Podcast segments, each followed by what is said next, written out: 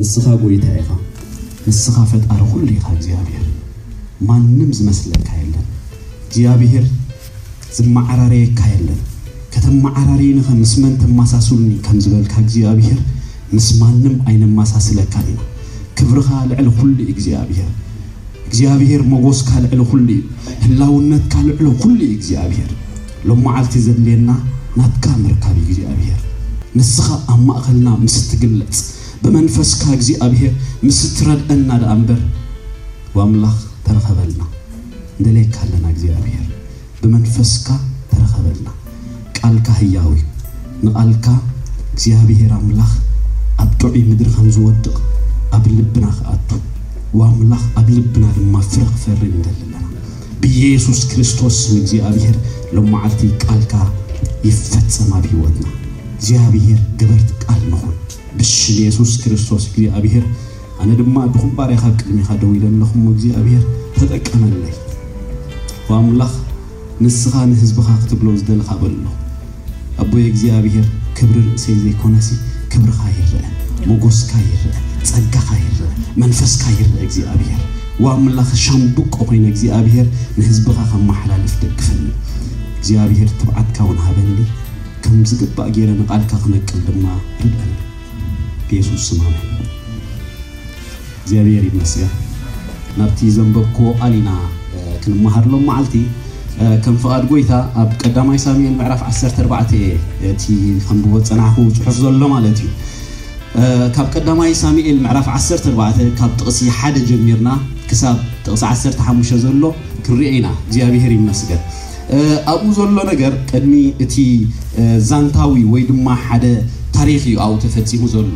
እቲ ታሪኽ ድሕረ ባይትኡ ምርዳእ መጀመርያ ኣገዳሲ እዩ። መን እዩ እንታይ ዝገብር ዘሎ፣ ኣበየናይ ዘመን እዮም ነይሮም፣ እንታይ እዩ ተባሂሉ ምፍላጥ ድማ ኣገዳሲ እዩ። ምኽንያቱ ቃል እግዚኣብሄር ክንፈልጥ እንከለና ወይ ድማ ቃል እግዚኣብሄር ክንመቅል እንከለና ንመን ተባሂሉ፣ ኣበየናይ ሰዓት ተባሂሉ እንተድኣ ዘይተረዲእና፣ ነቲ ቃል ኣምላኽ ብስሕተት ክንመቕሎ ስለ ንኽእል ማለት እዩ። ስለዚ እዚ ቃል እዚ ንዝተባህለሎም ሰባት መጀመርያ መን እዮም እንተ ኢልና ዮናታን ሳኦል ኣብ ዝነበሮ እዋን ሳኦል ንጉስ ኮይኑ ኣብ ዝነበሮ እዋን ንዕኦም እዩ ተባሂልሎም። እቲ ዘመን ድማ ካብ ሽሕን ክልተ ሚእትን ክሳብ ትሽዓተ ሚእትን ሰላሳን ቅድሚ ልደተ ክርስቶስ ዝነበረ ዘመን እዩ። ስለዚ መንፈስ ኣምላኽ ዝነፈሶ ዘበለ ጽሑፋት ንምቕናዕ ኢሉ፣ ንጽድቂ ዝኸውን ንምእዳብ ይጠቅም ኢሉ ቃል ኣምላኽ። ንዮናታን ዝተባህለሉ ቃል መጀመርያ ናይ ዮናታን እዩ'ቲ መልእኽቲ። ንዓና ድማ እግዚኣብሄር በቲ መንፈስ ናይቲ ቃል በቲ መንፈስ ናይቲ በቲ መንፈስ ናይቲ መልእኽቲ ገይሩ እዩ ዝበጽሐና። ስለዚ እግዚኣብሄር እንታይ ከም ዝብለና ክንርኢ ኢና። ኣሜን እግዚኣብሄር ይመስገን።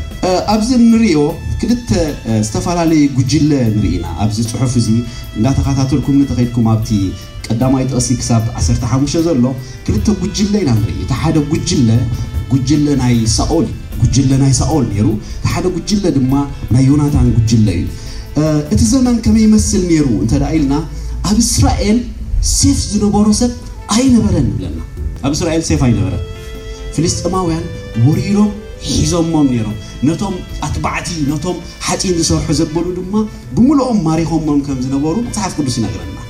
ክልተ ሰባት ግና ሰይፊ ኲናት ዝነበሮም ሰባት ነይሮም። እቶም ክልተ ድማ እቲ ሓደ ሳኦል እዩ፣ እቲ ካልኣይ ድማ ዮናታን ጥራይ እዩ።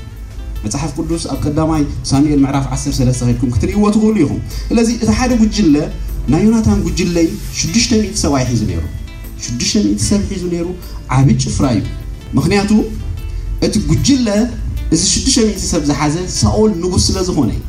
ምስኡ ዝነበሩ እዞም ሰብኣይ እቶም ሽዱሽተ ሚእቲ ሰባት ግና ምንም ሴፍ ኣይነበሮም ግና ወጺኦም እንታይ ክገብሩ እዮም ወጺኦም ከኣ ፍልስጤማውያን ኣብ ሓደ በሪኽ ከውሒ ሚኽማሽ ዝበሃል ከውሒ ኣብኡ መጺኦም ስለ ዝነበሩ ናብኦም እዮም ወጺኦም። ኣብ ሓደ ልሙዕ ቦታ እዮም ኮፍ ኢሎም እዞም ሰባት እዚኦም። እቶም ሽዱሽተ ሚእቲ ሰባት ኣብ ሓደ ጽቡቕ ቦታ ኣብ ጊብዓ ዝበሃል ቦታ ኣብኡ እዮም ተቐሚጦም ነይሮም። ምዕራብ ካብ ሩባ ዮርዳኖስ እዩ እቲ ጊብዓ ዝበሃል። ኣብኡ ተቐሚጦም እንዳሃለዉ ምንም ነገር ክገብርዎ ዝኽእሉ ወይ ድማ ተዋጊኦም ነቶም ፍልስጥኤማውያን ከድክምዎም ዝኽእሉ ወይ ድማ ክማርኽዎም ዝኽእሉ ጉልበት ኣይነበሮምን። ግና እንታይ ገይሮም? ዓሪፎም ኮፍ ኢሎም። ሚግሮን ዚብሃል ከውሒ ኸም ዘሎ መጽሓፍ ቅዱስ ይነግረና፣ ብፍላይ ድማ ቢንያማውያን፣ ሳኦል እውን ካብ ቢንያም ስለ ዝነበረ ማለት እዩ፣ ኣብ ሚግሮን ዚብሃል ከውሒ ኣብኡ እዮም ተጸጊዖም ነይሮም። ኣብቲ ኸውሒ ድማ ትሕቲኡ ገረብ ከም ዝነበረ፣ ኣብ ትሕቲ ገረብ ኮፍ ኢሎም ኣጽሊሎም ከም ዝነበሩ እዞም ጕጅለ እዚኦም ንርኢ። ሽዱሽተ ሚእቲ ሰብኣይ እዮም፣ ክዋግኡ ኢሎም ነቶም ፍልስጥኤማውያን ከታርፍዎም ኢሎም እዮም ወጺኦም፣ ግናኸ እንታይ ገይሮም ማለት እዩ? ኣብ ሓደ ከውሒ ዓሪፎም እዮም። ኣብ መሳፍንቲ ምዕራፍ ዕስራ ጥቕሲ ኣርባዓን ሸውዓተን ኬድኩም ክትርእይዎ ትኽእሉ ኢኹም፣ ቢንያማውያን ኣብቲ ከውሒ ከም ዝተሓብኡ፣ መጽሓፍ ቅዱስ፣ መሳፍንቲ ምዕራፍ ዕስራ ጥቕሲ ኣርባዓን ሸውዓተን ማለት እዩ። እዞም ጉጅለ ናይ ሳኦል ንብሎም ዘለና ኮፍ ኢሎም ጥራይ ኣይኮኑን ነይሮም፣ ታቦት እግዚኣብሄር ከኣ ምስኦም ነይሩ እዩ። ታቦት ከኣ ሒዞም እዮም፣ ሽዱሽተ ሚእቲ እዮም ኢልናዮም፣ ኣብ ልሙዕ ቦታ እዮም ዘለዉ፣ ታቦት ኣምላኽ ኣሎ ምስኦም። ኣዝዮም እዮም ኣዕሪፎም ዘለዉ ድማ ኣብ ምድረ በዳ ኣብቲ ሃፈጽታ ዘለዎ ቦታ ኣብኡ ኮፍ ኢሎም ኣለዉ ማለት እዩ። ካህን ኣለዎ፣ እቲ ካህን ድማ ኤፎድ ጸይሩ እውን ኣሎ። እቲ ሓደ ጉጅለ ግን እቲ ጉጅለ ናይ ዮናታን ሽዱሽተ ሚእቲ ሰብ ኣይኮነን፣ ክልተ ሰባት ጥራይ እዮም። ዮናታን እዩ እቲ ሓደ፣ እቲ ሓደ ከኣ ጋሻ ዛግረ ዝበሃል እዩ። ጋሻ ዛግረ እንታይ ማለት እዩ እንተኢልኩምኒ ኣብቲ ትግርኛ ናይ ቀደም ትግርኛ ስለ ዝኾነ በዚ ናይ ዘመንና ሰኩሪቲ ማለት እዩ። ወይ ድማ ተሸካም ኣጽዋር ማለት እዩ ሴፍ ድሕዘልካ ማለት እዩ ዮናታን ሲ ምስ ሓደ ናቱ ተሓዝ ሴፍ ሴፍ ስለ ዝነበሮ ዮናታን ተሓዝ ሴፍ ሒዙ እዩ ከይዱ ዮናታን ፈታው ዳዊት ምንባሩ መጽሓፍ ቅዱስ ይነግረና እዩ ሓደ ነፍሲ ነበሩ ይብለና the same spirit ሓደ ዓይነት መንፈስ ዝነበሮም ሰባት ከም ዝነበሩ ይነግረና መጽሓፍ ቅዱስ ክልተ ሰባት ጥራይ ኣብ ዕንቲ ሰባት ዘይበሃጉ ሰባት ሰብ ርእይ ኣቢለዎም ሲ ብርታዓት ዘይብሎም ሰባት እዮም ንኡሳት እዮም ነይሮም፣ መንእሰያት እዮም ነይሮም ክልቲኦም። ክልቲኦም ኣብ ዓይኒ ሰብሲ ክበሃጉ ዘይክእሉ፣ እሞ ከኣ ጋሻ ዛግረ ኣብ ብፈቐዶ ኣፍደገ ደው ዝብልሲ ንዕኡሲ ምንም ኣቴንሽን ደይትህቦ ሰብ ክትኣቱ እንከለኻ ከማንሲ ኢድካ ሓፍ ኣብል ክፍትሸካ ከይልካሲ ብሸለልትነት ትሪኦ ንዕኡ መሪጹ ዮናታን ንዕኡ ሒዙ ከይዱ እንታይ ክገብር እዩ ከይዱ ነቶም ፍልስጤማውያን ክወርር ንዕኦም ከሸብር ብዙሓት ሰባት ከም ናይ ሳኦል ኣይመረጸን ብዙሕ ሰብ ኣይመረጸን ሓደ ሰብ መሪጹ፣ ዋርድያ መሪጹ፣ ታቦት ኣይነበሮምን፣ ካህናት እውን ኣይነበሩን። እንታይ እሞ ዝኸውን ዘሎ ኣብዚ ታሪኽ? እዚ ታሪኽሲ ንርእዮ ኣለና፣ እንታይ እሞ ዝኸውን ዘሎ? እቲ ዝኸውን ዘሎ ጭፍራ ፍልስጤማውያን ከም ዝወረርዎ ርኢና ኣለና፣ ኣብ እስራኤል ድማ እዞም ክልተ ሰባት ጥራይ ሴፍ ከም ዘለዎም ተዛሪብና ኣለና። እሞ እንታይ ይፈጠር? ስለምንታይ እዮም እቶም ጭፍራ ፍልስጤማውያን ናብቲ ናይ እስራኤል ሚክማሽ ዝበሃል ቦታ ወጺኦም? ስለምንታይ ወጺኦም? እቲ ዝመጹሉ ምኽንያት ኣብ ምዕራፍ ዓሰርተ ሰለስተ ቀዳማይ ሳሙኤል እንተድኣ ርኢና ሳኦል ንጉስ እንከሎ መስዋእቲ ክስውእ ዘይግብኦ ከይዱ እንታይ ገበረ ብለና ሰውእ ብለና ዝሓርር መስዋእቲ ንእግዚኣብሔር ሰውእ ብለና ሽዑ ዝነበረ ነቢይ ድማ ሳሙኤል መጺ እንታይ ኢልዎ እግዚኣብሔር ነዛ ንግስነትካ ሎም መዓልቲ መጽንዐልካ ነይሩ ኢልዎ ግናኸ ንንግስነት ናይ ሳኦል እግዚኣብሔር ስለ ዘይደለዮ እንታይ ኮይኑ ማለት እዩ ፍልስጥኤማውያን መጺኦም ወሪሮሞ። ፍልስጥኤማውያን ናብቲ ቦታ እግዚኣብሄር፣ ናብቲ ናይ ክብሪ ቦታ፣ እግዚኣብሄር ቅድሚ ዘመናት ዝተነበየሎም ቦታ፣ ተስፋ ዝሃቦ ነብርሃን ቦታ ናብኡ መጺኦም ፍልስጥኤማውያን። ሒዞምሎም። እስትራተጂካዊ ቦታ እዮም ሒዞምሎም። ድሕረ ባይታ እየ ዝነግረኩም ዘለኹ ስጋዕ ሕጂ። መልእኽተይ ኣይበጻሕኹን ዘለኹ። እስትራተጂካዊ ቦታ ሒዞምሎም። ምኽንያቱ ንመንግስቲ ናይ ሳኦል እግዚኣብሄር ከጽንዓ ኣይደለየን ነይሩ። ንምንታይ? ኣብ ናይ እግዚኣብሄር ቦታ፣ ኣብቲ እግዚኣብሄር ዘይፈቐደሉ ቦታ ስለ ዝተረኽበ። ሳኦል። ኣብታ ቀዳመይቲ ጥቕሲ ዮናታን ወጺኡ ክኸይድ እንከሎ ይብለና፣ ነቦኡ ኣይነገሮን ትብላና ቀዳመይቲ ጥቕሲ። ተኻታተሉኒ ኣብቲ ጽሑፍ ሕዝዎ። ነቦኡ። ኣይነበሮን። ስለምንታይ ዘይነበሮ? ሳኦል ኣቡኡ ነቲ ሓደ ጋሻ ዛግሪ ሒዙ ክኸይድ ከሎ ናብቲ ስግርሲ ነቡኡ ኣይነገሮን። ስለምንታይ ዘይነግሮ? ክነግሮ ግቡኦ እንድዩ። ኣቡኡ እንድዩ ንጉስ። ኣይነበሮን። ንምንታይ ኣይነገሮን? ሓሳብ ኣምላኽ ክትገብር እንከለኻ ሓደ ሓደ እዋን እግዚኣብሄር መልእኽቲ ክህበካ እንከሎ ምንጋር ዘየድልዮ ኣሎ። ኣብ ልብኻ ዝተሓዝ ነገር ኣሎ። በይንኻ ክትገብሮ ዝግበኣካ ነገር ኣሎ። ምኽንያቱ ምኽሪ ኣምላኽ ክትገብር ኢልካ ክትብገስ እንከለኻ መታረፊ ሰብ ኣሎ። ካብ ናይ እግዚኣብሄር ምኽሪ ከይትገብር ዘትርፈካ ሰብ ኣሎ ምኽንያቱ ሳኦል እንተ ደኣ ነጊርዎ ንሳኦል ከታርፎ እዩ እቲ እግዚኣብሄር ክገብሮ ዝደለየ ብዮናታንሲ ክተርፍ እያ ኣይትንገሩ እግዚኣብሄር ተተዛሪብኩም ኣይትንገሩ በይንኹም ቅድም ወድዎ ድሕሪኡ ተማሩ ምኽሪ ኣምላኽ ዘታርፉ ስለ ዘለዎ ኣይነገሮም ሳኦል ምስቲ እግዚኣብሄር ዝመኸረሉ እቲ እግዚኣብሄር ክገብሮ ዝደለየ ካብኡ ንኸይገብር ከትርፎ ስለ ዝኽእል ስለ ዘይነገሮ ሓሳብ ኣምላኽ ንኸይተርፍ ኢሉ ከይነገሮ ነቲ ጋሻ ዛግረ ነቲ ንእሽተይ ዝብሃል ነቲ ብሰብ ዘይረኣ መዕመሪ ዝኸይዱ ንማርያም እንታይ ኢልዋ ኣሎ ኣብ መጽሓፍ ቅዱስ ኣብ ካልእ ክፋል ንኹሉ ድማ ኣብ ልባ ተዋህልሎ ነበረት ኣብ ልቢ ዝዕቆር ብዙሕ ነገር ኣሎ ኣሕዋተይ በሸሸሽ ኢና ንብል ሎሚ ኣምላኽ ተተዛሪብካ ብፍላይ ሓደ ነቢይ መጺኡ ከምዚ ክትከውን ኢኻ እንተኢልካ እንብሎ እንገብሮ እዩ ዝጠፍኣና ንሕዞን ንጭብጦን እዩ ዝጠፍኣና ኣሕዋተይ ኣብ ልብካ ዝዕቆር ብዙሕ ነገር ኣሎ ኣብ ሉቃስ ምዕራፍ ክልተ ከምኡ ኢልዎ ኣሎ ሳኦል እዚ ጥራይ ኣይኮነን ገይሩ በዚ ጥራይ ኣይኮነን ዝቅጽል ነይሩ ሳኦል ካህን ነይርዎ ንሳኦል ኢልና ኣለና እቲ ካህን መን ከም ዝነበረ ክነግረኩም እቲ ካህን ኣሕያ ይበሃል ሓቀይ ኣብ ካልእ ጥቕስታት ኣሂሜሌክ ኢልዎ ኣሎ ኣሂሜሌክ ኢሉ ገሊፅዎ ኣሎ ብፍላይ ድማ ኣብ ቀዳማይ ሳሙኤል ምዕራፍ 22 ጥቕሲ ትሽዓተ ጥቕሲ ዓሰርተ ሓደ፣ ዕስራ፣ ዘሎ ስጋዕ ኣብዚኢታት ነቲ ኣሒያ ተባሂሉ ዘሎ ኣብ ኣብዛ ምዕራፍ ዓሰርተ ኣርባዕተ ኣሂሜሌክ እዩ ገሊጽዎ ኣሎ። ኣሒያ ግን ወዲ መን እዩ? ኣሒያ ወዲ ኣሒጦብ ዝበሃል እዩ። ኣሒጦብ ከኣ ሓው ኢካቦድ ዝበሃል እዩ። ኢካቦድ ወዲ ፊንሃስ እዩ። ፊንሃስ ወዲ ኤሊ እዩ። ኤሊ ካህን እግዚኣብሄር ዝነበረ ኣብ ሽሎ ዝበሃል ቦታ መቕደስ ኣምላኽ ዝነበሮ ኣብኡ ዘገልግል ዝነበረ እዩ። ኤካቦድ ከመይ ኢሉ ወጺእዎ እንተኢልና ኣብ ምዕራፍ ኣርባዕተ ተመሊስኩም ክትርእይዎ ትኽእሉ ኢኹም ቀዳማይ ሳሙኤል ክብረት ካብ እግዚኣብሄር ምስ ረሓቐ ታቦት ኣምላኽ ምስ ተማረኸ ኣብ እስራኤል ክብረት ዘየለ ምስ ኮነ ኤሊን ፊንሃስን ምስ ተቐትሉ ኣብ ኲናት እንታይ ኢላ ሽዑ ሰበይቲ ፊናስ ክትሓርስ ከላ ተንበርኪኻ ወለደት ትብል ተንበርኪኻ ትወልድ ከላ ከኣ በቃ ተወዲኡ ናይ እግዚኣብሄር ክብሪ ኣብዚ ቦታ እዚ የለን ታቦት ኣምላኽ የለን ኢላ ማለት እዩ ሽዑ ኤካቦድ ኢላ ኢካቦድ ማለት ክብረት ዘይምህላው ማለት ካቦድ ድብል ኣብቲ ኢብራይስጥ ካቦድ ድብሎ ናይ እግዚኣብሄር ክብሪ ህልውና እግዚኣብሄር ክመጽእ ከሎ ካቦድ ዝኾነ ናይ እግዚኣብሄር መንፈስ እዩ ዝመጽእ እዚ ኣሒያ ዝባሃል ሊቀ ካህን ኣይኮነን ሳኦል ባዕሉ እዩ እንታይ ገይርዎ ዘሎ ሊቀ ካህን ገይርዎ ዘሎ መን መሪጽዎ ሊቀ ካህን ዘይኮነ እንከሎ ሳኦል ኣብ ቦታ ኣምላኽ ሊቀ ካህን ክኾን ገይርዎ ዘይቦትኡ የእትይዎ ዘይሰፈሮ እትይዎ እትሪእዎ ትኽእሉ ኢኹም ኣብ መጽሓፍ ቅዱስ ኣለኩም ኣብ ቀዳማይ ሳሙኤል ምዕራፍ 2 ጥቕሲ 18 ኣሎ ምዕራፍ 14 ጥቕሲ 3 እውን ኣሎ እዚ ኣሕያ ዝበሃል ካህን ከም ዝነበረ ይነግረና እዩ እቲ ጽሑፍ። ግን ኤፎድ ጸይሩ ነበረ። ኤፎድ ኣብ ዘጸኣት ምዕራፍ 28 ከድኩም ክትርእዩ ትኽእሉ ኢኹም። ነቲ ሊቀ ካህን ልብሲ ክነግር እንከሎ ማለት እዩ። ሊቀ ካህን ክለብሶ ዝግብኦ ወይ ካህናት ክለብስዎ ዝግብኦም ሓሙሽተ ዓይነት ክዳውንቲ ከም ዘሎ መጽሓፍ ቅዱስ ይነግረና። ሓንቲ ካብአን ኣብ ልዕሊ እቲ ክዳኑ እትልበስ ኤፎድ ትበሃል ኣላ ማለት እዩ። ንሳ ድማ ብመንኩቡ ወሪዳ ብቕድሚት ወለል ትብል ብድሕሪት ድማ ወለል ትብል። ኣብ ልዕሊኡ ሽዑ ሳንቃ ኣፍ ልቢ ዝብሎ ወይ ድማ እቶም ኡሩሚን ቱሙሚን ዝብሎም ነገራት ፍቓድ ኣምላኽ ዘፍልጡ ፍጽምናን ብርሃን ኣምላኽን ዘፍልጡ ነገራት ሊቀ ካህን ጥራይ ክገብሮ ዝግብኦ መን ጌርዎ ንርኢ ኣለና? ኣሒያ ጌርዎ ንርኢ። ኣምላኽ ዘየቐመጦ ሳኦል ኣብ ቦታ ኣምላኽ ኣቐሚጡ። ኣሕያ ኣቐሚጡ ንምንታይ ሓርይዎ? ሳኦል ንምንታይ ንኣሕያ መሪጹዎ?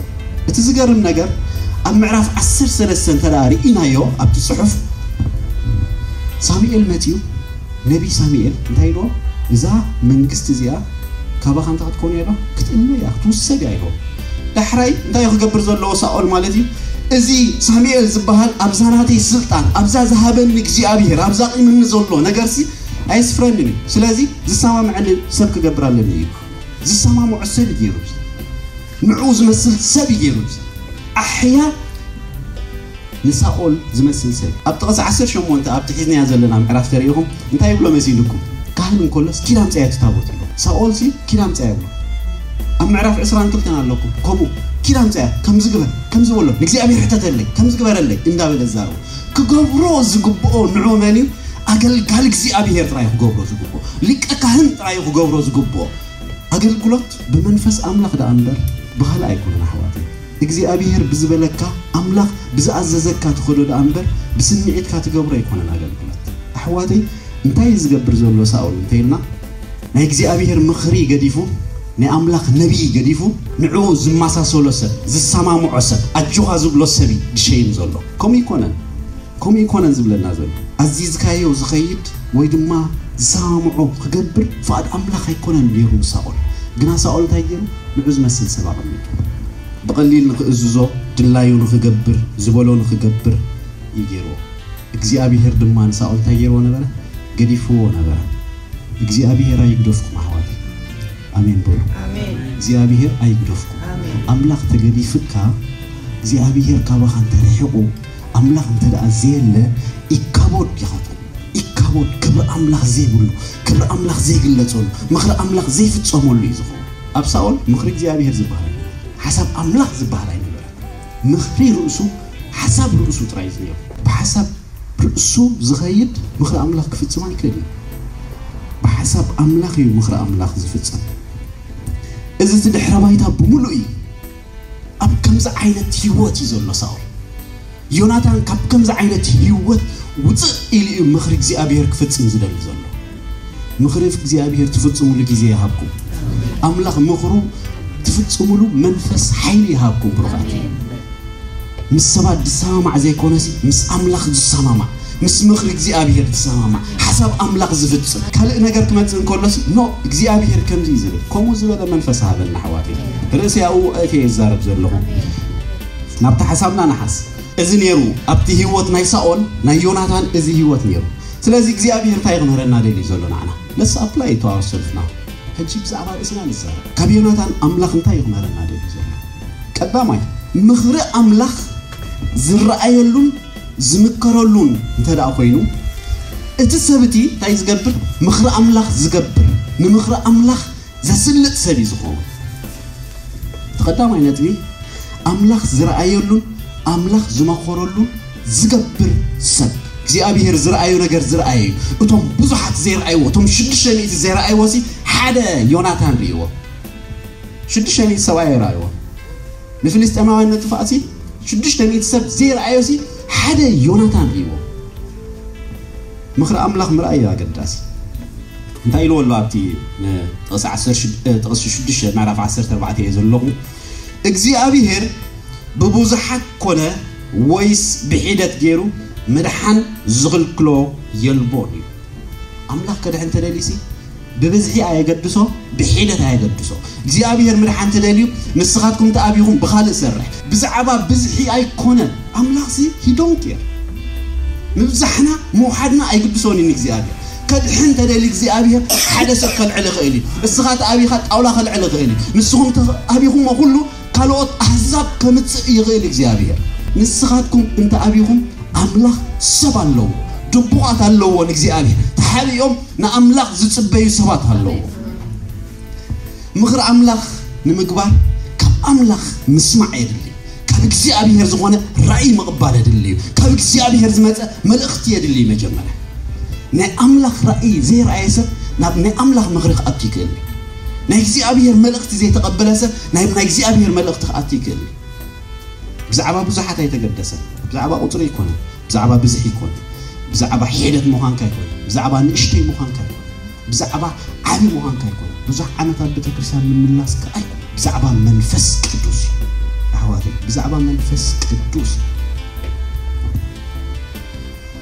ምኽሪ ኣምላኽ ሓሳብ ኣምላኽ ምግባር እዩ ሓሳብ ዘሎ ሲላሓሽ ምኽሪ ኣምላኽ ክንገብር ተኾይና መጀመርያ ካብ ኣምላኽ ክንቅበል ይግባል ኣሕዋተይ ቨርቲካል ዘሎ ምስ ኣምላኽ ዘሎ ሕብረትና ተዘይጥዕዩ ምስ ሕዋትና ክጥዕ ይክእል ኣይትጸበዩ ሰብ ጥዑይ ምዃኑ ሕሙም ምዃኑ መንፈሱ ብምንታይ ትፈልጦ መሲሉኩ ምስ ኣምላኽ ጥዑይ ተዘየሉ ጥዑይ ኣይከውን ይምሰል ቄና ንኸውን እንታይ ዝብል ጥቕሲ ኣሎ ክነግረኩም ካብ ሓሳቢ ከይወፅእ እምበር ኣምላኽሲ ምስቶም ቄናናት እንታይ እዩ ቄናን እዩ እግዚኣብሔር ቄናን ኣይኮነን እግዚኣብሔር ቄናን ኣይኮነን እግዚኣብሔር ኣብ ቦትኡ እንከሎሲ ቄና እንተኾይኑ ሰብ ብቄናን መንገዲ እዩ ዝሪኦ ንኣምላኽ ቅንዕና ምስ ኣምላኽ እዩ ዘገድስ ትኽ ምባል ምስ እግዚኣብሄር እዩ ዘገድስ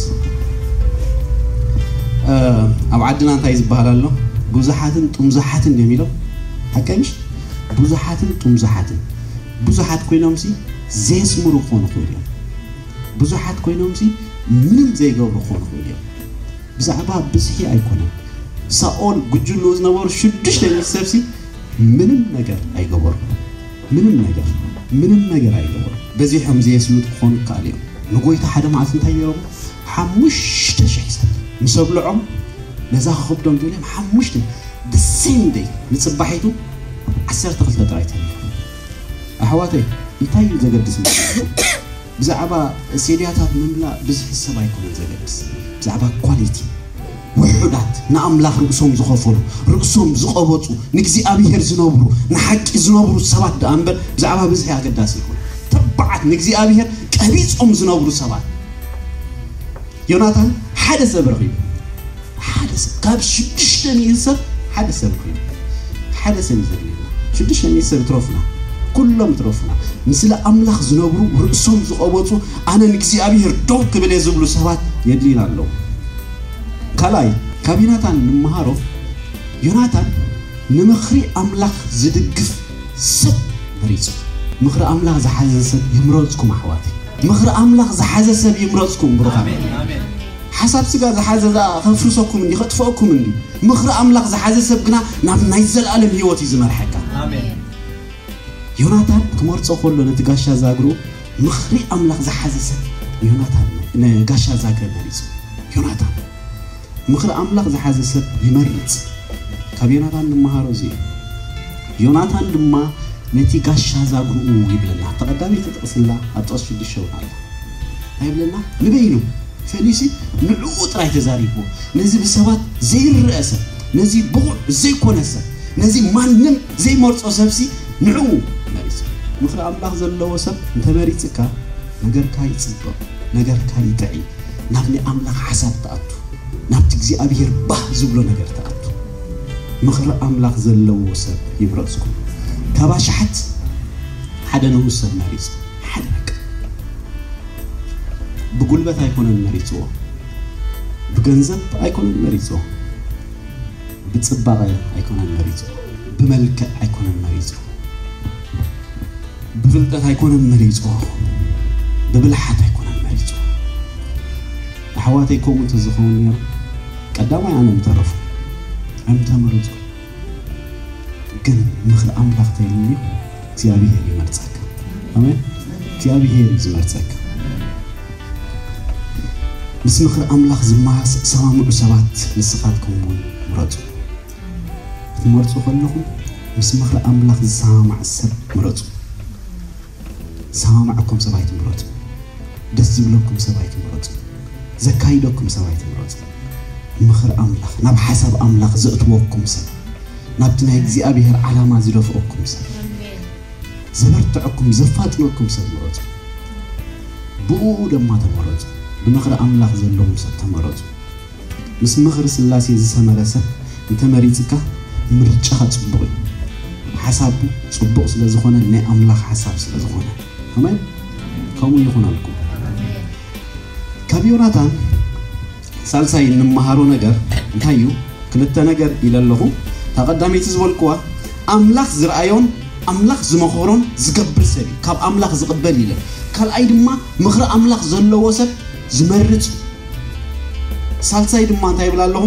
ንምኽሪ ኣምላኽ ብምቅብባልን ብሓድነትን ኢኻ ትዓዩ። ንምኽሪ ኣምላኽ ብምቅብባልን ብሓድነትን ኢኻ ትዓዮ። መጀመርያ ዮናታን እንታይ ኢልዎ መሲልኩም? ኣምላኽሲ እግዚኣብሄር ብብዙሓት ኮነ ወይስ ብሒደት ገለ ነገር ክገብር ይኽእል እዩ። ኣምላኽ ተፈትዩ ብዝሒ ኣየገድሶን እዩ፣ ዋሕዲ ኣየገድሶን እዩ፣ ክሰርሕ ይኽእል እዩ ኢልዎ። ኣምላኽ እንተፈትዩ። ሽዑ እቲ ጋሻ ዛግረ እንታይ ኢልዎ? ኣብ ልብኻ ዘሎ ግበር። ኣሜን። ኣብ ልብኻ ዘሎ ምኽንያቱ እቲ ጋሻ ዛግረ ካብ ኣምላክ ከም ዝተቀበሎ ስለ ዝፈልጥ ኣብ ልብካ ዘሎ ግበር go ahead ኢልዎ ኪድ ግበር ኢልዎ ሽዑ እንታይ ኢልዎ ንስኻ ከይድካ ምኽሪ ኣምላክ ክትገብር እንከለካ ግን ኣነ እንታይ ክገብር እየ ምሳኻ ክኸይድ እየ ኢልዎ ምኽሪ ኣምላክ ክትገብር እንከለካ ወይ ምኽሪ ኣምላክ ዘለዎ ሰብ ክጽውዐካ ከሎ ልብኻ ኣይኽበድካ ኪድ ምስ ርግጸኛ ኩን ግን መጀመርያ ምኽሪ ኣምላክ ምዃኑ እንታይ ኢልዎ ኣነ ከኣ እኔኹ ከም ድላይ ልብኻ ምሳኻ እየ ኢልዎ። ዮናታን ነቲ መንእሰይ ነቲ ጋሻ ዛግሩ ነቲ ተሸካሚ ነቲ ዋርድያ ነቲ ቫክት ማለት እዩ ሕዝዎ ሰኣልዎ ሕጂ ነዚ ንእሽተይሲ ሴፍ ድሕዝ ድስከም ሲ ክመርጾ ከሎ መጀመርያ ክሓስብ ከሎ ሓሳቡ ከካፍሎ እንከሎሲ ከም ዓቢ ሰብ ጌሩ እዩ ተቐቢልዎ።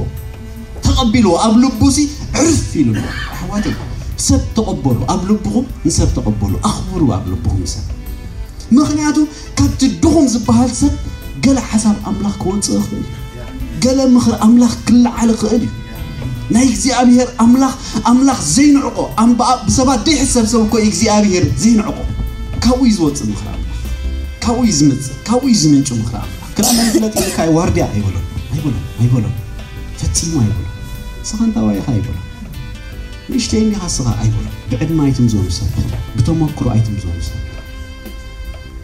ብመንፈስ ኣምላኽ ብመንፈስ ኣምላኽ ተቐበሉ ሰብ ገለ ናይ ኣምላኽ ሓሳብ እንተለዎ ኢሉ ሰሚዕዎ ጽን ኢሉ ከኣካ እዚ ክህልዎ ይኽእል እዩ እግዚኣብሔር ክድግፈኒ ኢሉ ዝሃበኒ ሰብ ተኾነ ከመን እፈልጥ እዩ በቃ መዓይተይ ክኸውን እግዚኣብሔር ተቐረቦስ መን ፈልጥ እዩ ተቐቢልዎ ስሒብዎ ኣውፅዎ ናብ ናይ ኣምላኽ ሓሳብ ተቐባቢልካ ይዕዩ ኣምላኽ ክዝዕል ኣብ ልብኻ መጀመርያ ኣብ ደገ ኣይኮነን ኣብ ልብኻ መጀመርያ ዝሓለፈ እዋን ዝሰበኽክዎ ስብከት ምሕረት ምግባር ዝብል ኔሩ ሓቀይ ምሕረት ምግባር ናይ ሓቂ ምሕረት ምግባር ምቅብባል ብሓባር ኮንካ ኢኻ ዕዮ ኣምላኽ ትዓይ ሓድነት ሃሊካ ኢኻ ዕዮ ኣምላኽ ትዓይ ሓቢርካ ኢኻ ዕዮ ኣምላኽ ራእይ ተሳማሚዕኻ ካልኦት ኣሕዋተይ ኩሉኹም ኣብ ዘለኹምሲ ካባይ ዝሓይሽ ነገር ክህልዎም ይኽእል ኢለ ቅበለኩም ኣለኒ ኣብ ልበይ ክኸብደኩም ክኸብደኒ የብሉ ክሰፍሐኒ ኣለዎ ኣብ ልበይ ትሕሹ ትኽእሉ ኢኹም ኣምላኽ ካባይ ዝበለጸ መንፈስ ኣቐሚጡ ኣሎ ካብዚ ዝበልጽ መንፈስ ኣሎ ኣሕዋት ኣብዚ ማእኸልና ብዙሕ መንፈስ ኣቐሚጡ ኣሎ እግዚኣብሔር ኣምላኽ ብዙሕ ጸጋ ኣብዚ ጉባኤ ከም ዘቐመጠ ፈልጥ ምቅብባል ግን የድልየኒ ሓድነት የድልየኒ ዕዮ ኣምላኽ ልቢ ንልቢ ተታሒዝካ እምበር ኢድ ንኢድ ተታሒዝካ ኣይኮነን ዘርኢ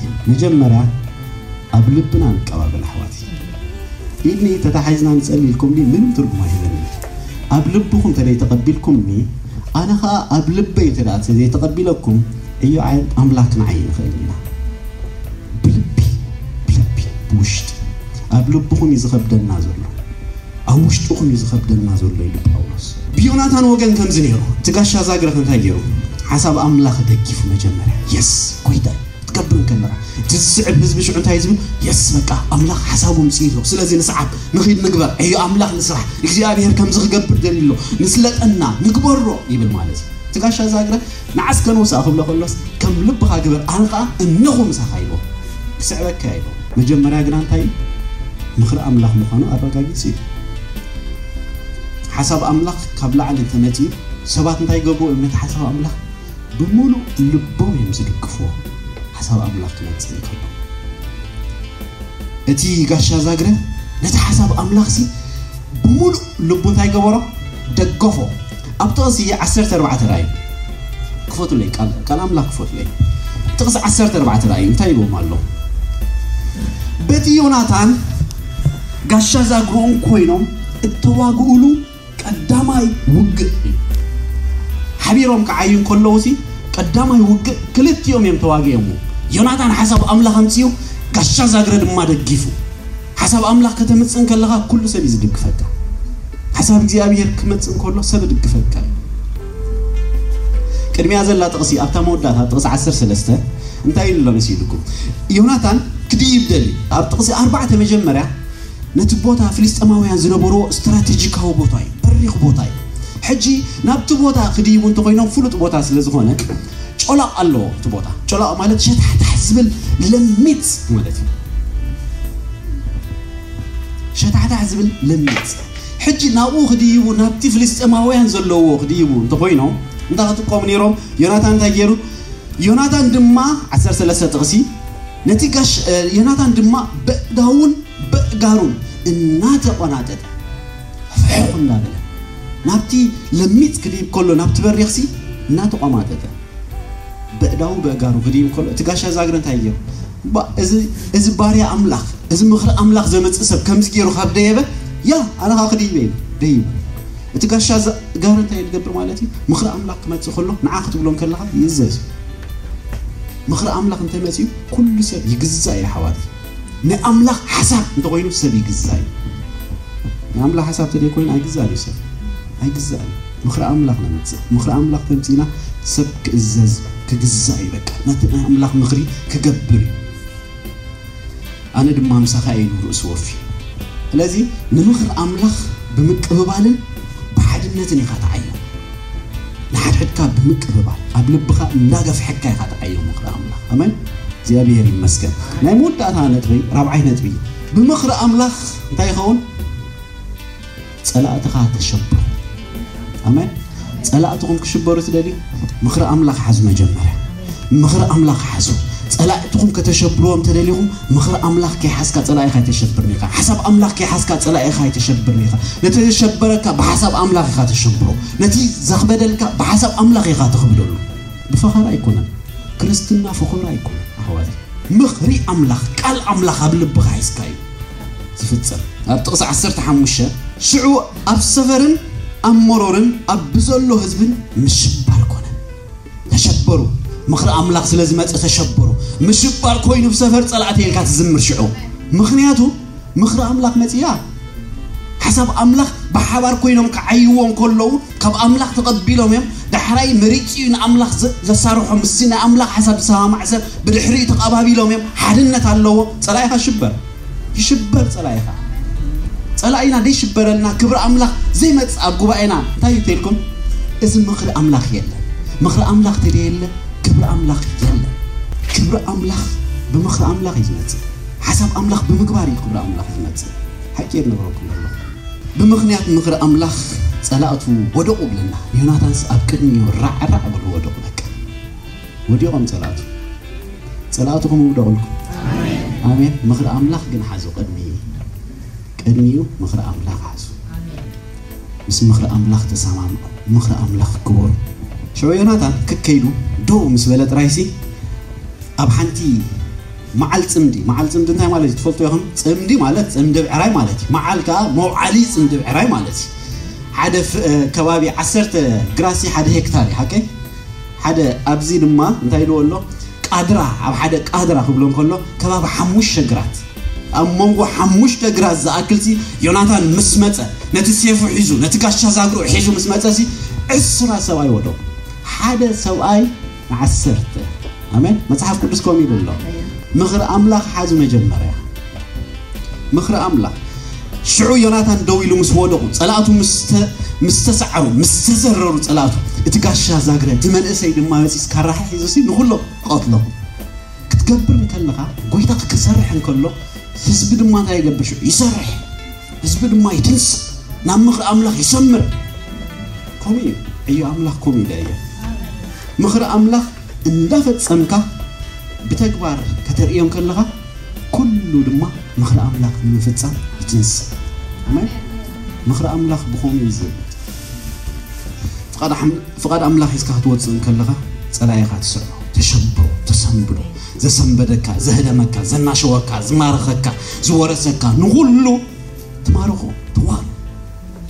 በቃ ተግዝኦ ኣብ ትሕቴኻ ኣሜን ጎይታ ብከምኡ እዩ ዘግዝኣካ ንኣኻ ነዚ ህዝቢ እዚ ነቲ ዝጸውዖ ዋጋ ዝኸፈለሉ ደሙ ዝሃቦ ብጎይታ ብኢየሱስ ክርስቶስ ስም ኢየሱስ ክርስቶስ ሒዝና ክንወጽእ እንከለና ይሽበር ጸላእትና ይሽበር ምሽባር ኮይኑ ጸበር ጸላእተይ ትብል ሽዑ ኣሜን።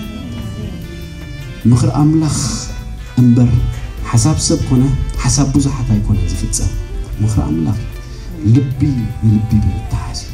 ስለዚ ጎይታ እንታይ እዩ ዝብለና ዘሎ መስለኩም? መጀመርያ ምኽሪ ኣምላኽ ሓዙ፣ ምኽሪ ኣምላኽ ሓዙ፣ ሓሳብ ኣምላኽ ሓዙ፣ ፍቓድ ኣምላኽ ሓዙ፣ ራእይ ኣምላኽ ሓዙ እሱ እዩ ዝብለ ኣሎ ጎይታ። ብድሕሪኡ ነቲ ፍቓድ ኣምላኽ ዝሰምር ንዕኡ ዝሳቦ ማዕሰብ ምረጹ። ንሓድሕድኩም ተቐባበሉ። ኣገልጋሊ ንኣገልጋሊ ይቀበሎ፣ ምእመን ንምእመን ይቀበሎ ከም ዘለዎ። ከማይ ክትኮኑ ኣይጽበየኩምን ኣነ። ኣነ ዩኒክ እየ ንስኻትኩም ዩኒክ ኢኹም። በበይንና ኢና። ኣተሓሳስባና በይኑ፣ ኣረዳድኣና በይኑ፣ ኩሉ በበይንና ኢና። ከም ዘለዎ ግን ንሰብ እንታይ ትገብሮ? ትቕበሎ ከም ዘለዎ ከም ዘለዎ። ዝገርም መጽሓፍ ቅዱስ ጳውሎስን ባርናባስን ከማንሲ እንታይ ኮይኖም ተፈላለዩ ይብለና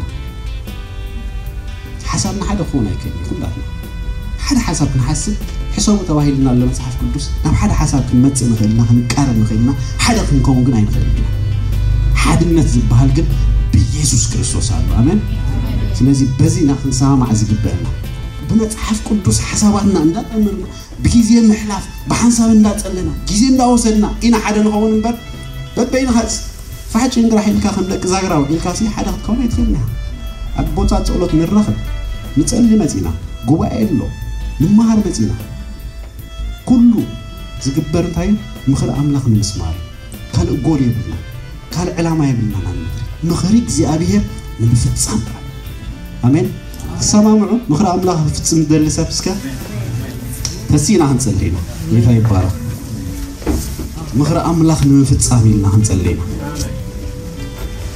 ምኽሪ ኣምላኽ ምኽሪ ኣምላኽ ምኽሪ ኣምላኽ እስከ ጸልዩ ኣእዳውኩም ሓፍ ኣቢልኩም ምኽሪ ኣምላኽ ምቕባል ኢልና ኣለና መጀመርያ ምቕባል ኣምላኽ ምኽርኻ ክቕበል እደሊ ኣለኹ በሎ። ሓሳብካ ክገብር እደሊ ኣለኹ፣ ስለዚ ምኽርኻ ሃበኒ በሎ። ሃብኒ በሎ። ጎይታ ይህብ እዩ። ምኽሪ ኣለዎ እግዚኣብሄር። ጸልዩ ጸልዩ ጸልዩ፣ ኣፍኩም ክፈቱ ኣፍኩም ክፈቱ፣ ምኽርኻ ሃበኒ ኢልኩም ጸልዩ። እግዚኣብሄር ንዝለመንዎ ጥራሕ እዩ ዝህብ። እግዚኣብሄር ምኽርኻ ሃበና ብኢየሱስ ክርስቶስ ስም ብኢየሱስ ክርስቶስ ስም ብኢየሱስ ክርስቶስ ስም ጸልዩ ጸልዩ ጸልዩ ኣሕዋተይ ምኽርኻ ሃበና በልዎ መጀመርያ ምኽሪ ኣምላኽ ክወሃበና ኣለዎ። ምኽሪ እግዚኣብሄር፣ ናይ እግዚኣብሄር ምኽሪ፣ ናይ እግዚኣብሄር ሓሳብ፣ ናይ እግዚኣብሄር ፍቓድ፣ ናይ እግዚኣብሄር ዝኾነ ራእይ ሶዳባ ሼደደደያኖራንቱላዳ ጸውዕዎ ጸውዕዎ ጸውዕዎ ንእግዚኣብሄር ጸውዕዎ ምኽሪ ኣምላኽ ኢልኩም ጸውዑ ናይ እግዚኣብሄር ምኽሪ ንጎይታ የሱስ ምኽባር ጥራይ እዩ ምኽርና ንዕኡ ጥራሕ ይረኣይና ኣሕዋተይ ጎይታ ኸቢሩ ክረአ ጸልዩ ጸልዩ ጸልዩ ቅድሚ ኣምላኽ ጸልዩ ቅድሚ ኣምላኽ ምኽርኻ ክገብር ደሊ ኣለኹ እግዚኣብሔር በልዎ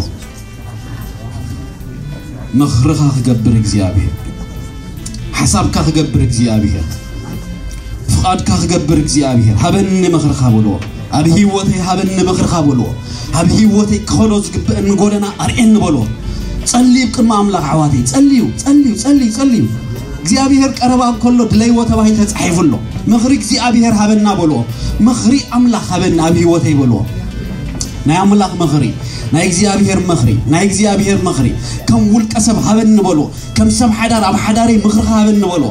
ኣብ ቤት ትምህርቲ ምኽሪ ሃበኒ በልዎ። ኣብ ስራሕ ምኽሪ ሃበኒ በልዎ። ኣብ ቤተ ክርስቲያን ምኽሪ ሃበና በልዎ። በልዎ ንኣምላኽ ጸልዩ ኣሕዋተይ።